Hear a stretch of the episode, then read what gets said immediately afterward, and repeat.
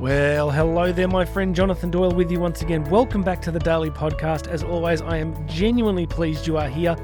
It is a joy to do these each day, and always remember you don't need a whole bunch of new ideas to change your life. You just need one good idea that you are actually prepared to use. Execution matters, right? Theory is important. A thesis is important, but what matters ultimately in life will always be execution, what we actually do in the physical world. It starts with our thinking, with our spirituality, with our construction of reality and the world around us, and then it leads to execution, what we actually do. This is a podcast, my friend, dedicated to liberating the extraordinary potential that lies within you.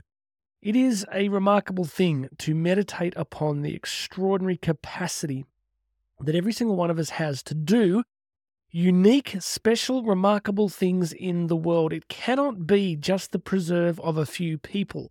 We tend to look at unique artists, musicians, athletes, and think that it is all about the genetics and that uh, what we do will never compare to what they do. That's absolutely true. It will not compare. And the reason it will not compare is because it's not meant to compare. Regular listeners know that I often quote the 15th century scholastic philosopher John Duns Scotus who famously said that every human comparison is essentially diabolical. So, that translation of that means that every way that we compare ourselves to someone else is essentially, wait for it, satanic. Think about it this way God creates you, God creates you perfectly. This is the same God that created the cosmos. He's not in the business of mistakes, He's not winging it, He's not just rolling the dice and hoping things work out. He creates everything perfectly, including you.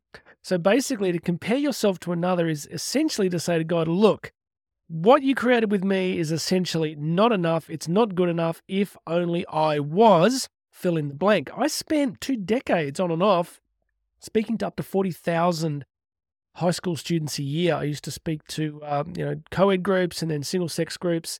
And I remember constantly working with teenage young women and explaining to them this, you know, this concept. So many of them carried around inside them this mantra, if only I was, fill in the blank, right? They, they, they always felt that if they looked like a particular person or if they were as popular as a particular person, then they would be happy. It was a great leap to suddenly realize that the game that they were meant to be playing was the game of being themselves. And that, my friend, is exactly the game that you are in.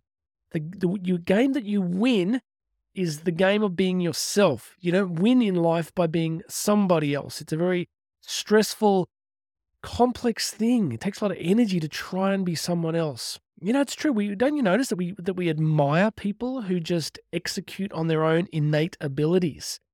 But somehow we think that doesn't apply to us. So the first thing I want to get in your head today, my friend, is that your job is to do you. And the focus of today's episode, that was a little sidetrack there, that whole thing about potentiality it's a bit of a bit of a bit of a focus for me is to help you really realize that there is that extraordinary potential within you. But today we're going to talk about effort. Uh, it is sounds like a generic sort of term, effort. You know, we we hear it, we think, yeah, effort's important, effort matters. But I want to take you a little bit deeper with it.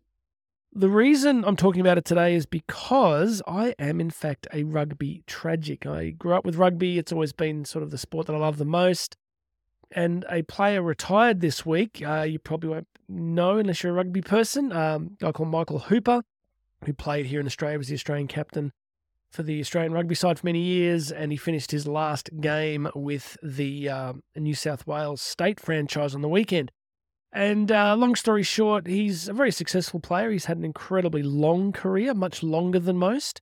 And obviously, he's played World Cups, he's captained his country, and he's played something like a ridiculous number of games at state level. But he was being interviewed and he was asked the question, you know, what do you put it down to? Like, you know, your success, like, how do you explain to yourself the, um, you know, what, what's the X factor that you've had? And it was really interesting because he said for him, it was simply that he had always tried to bring maximum effort. And it really struck me. And I want to talk about it for a second because he's basically saying, look, you know, if you look at him, there are bigger athletes. Like he's a fit guy, like super fit. He's got obviously got pretty reasonable genetics. I'd say he's got a very, um, you know, his work rate, his kind of, I would say that his physiology is probably optimized for what he's doing. but there's you know in this particular position there's guys that are taller there's guys that are bigger there's guys that are faster but he has just you know thrived by kind of being the energizer bunny right just kind of super effort all the time and he was in this interview explaining that he brings that to training and he brings it to recovery and he brings it to nutrition and he brings it to the games so when you watch him play it's just all effort all the time and it really struck me that effort matters. Now, that's a general saying, but um, the reason it matters is because it's one of the few things that you can control. There's a huge number of things in the world at the moment that you cannot control. You know, so much of the fear that we face, so much of the the stress in the world is over factors we can't control. You know, here in uh, Australia today, I think yesterday interest rates went up again and people losing their minds. And it's like, well, friends, you can't control what the governor of the Reserve Bank does. What you can control is your revenue, your spending, uh, your planning around that. You, that you have to work on the parts that you can control, right? And effort's one of these things in life that you get to control. No one else can have effort for you. You can't have effort for someone else. You know, as a parent, you often want your kids to give something 100%, but you can't have the effort for them. So, what makes effort important for our discussion today, my friend, is that effort is something within your power. You get to decide what effort you bring to anything you're doing. Today, there'll be listeners on this episode who are, you know, medical people or legal people or educators or business owners.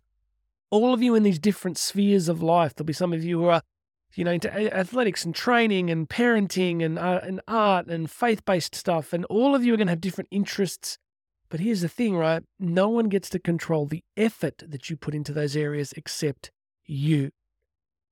So, what really matters in life, Often say, is what you do when no one's looking, right? Often the real power in life comes in what you do when no one's looking. I used to tell a story on stage where I think I was in my early 20s and was trying to save up to buy an engagement ring for Karen, and I got a job cleaning dishes. I was working about four or five different jobs at the time, and I got a job cleaning dishes. And it was the lowest job on the food chain, uh, food pun intended. And I remember it was about midnight one night, and everybody had gone except the security guy. And uh, my job at the end of the night was to, you know, clean everything and, and mop the floors. And I remember it was about midnight, and I leaned down, and under this big commercial dishwasher, I noticed right in the very back corner, right in this dark, dim corner, there was a spoon, a single spoon, my friend, and I remember as clear as day thinking to myself, you know what? No one's going to know if I pick up that spoon. That spoon could stay there for a millennia. But long story short, I remember getting down on my stomach and crawling under this commercial dishwasher and reaching out through all the grime and picking up this spoon. And I remember thinking clearly at that time, it's what I do without an audience.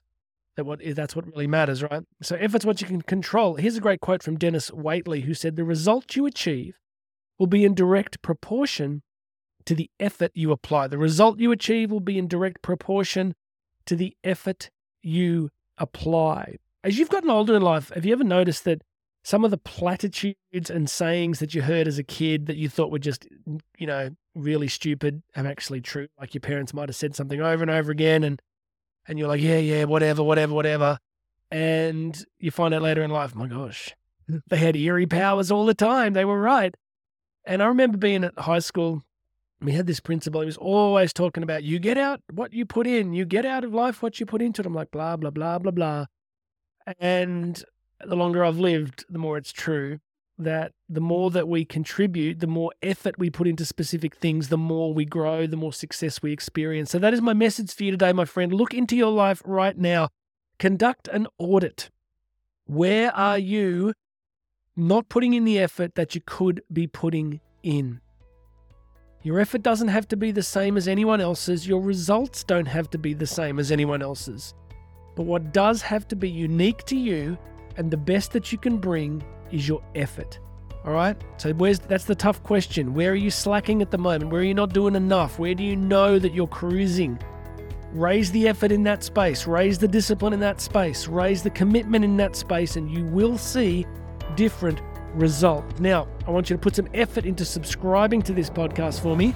If you're not a regular subscriber, hit that subscribe button and I want you to go and check out all the links. There will be links here. You can book me to speak live. at conferences, events that you're running, training for your staff, all sorts of different things. So hit that uh, speaking link and you can book me live to come and speak. And at least you get some questions about it. All right, my friends, God bless you. This has been the Daily Podcast. My name's Jonathan Doyle, and I'm going to have another message for you tomorrow.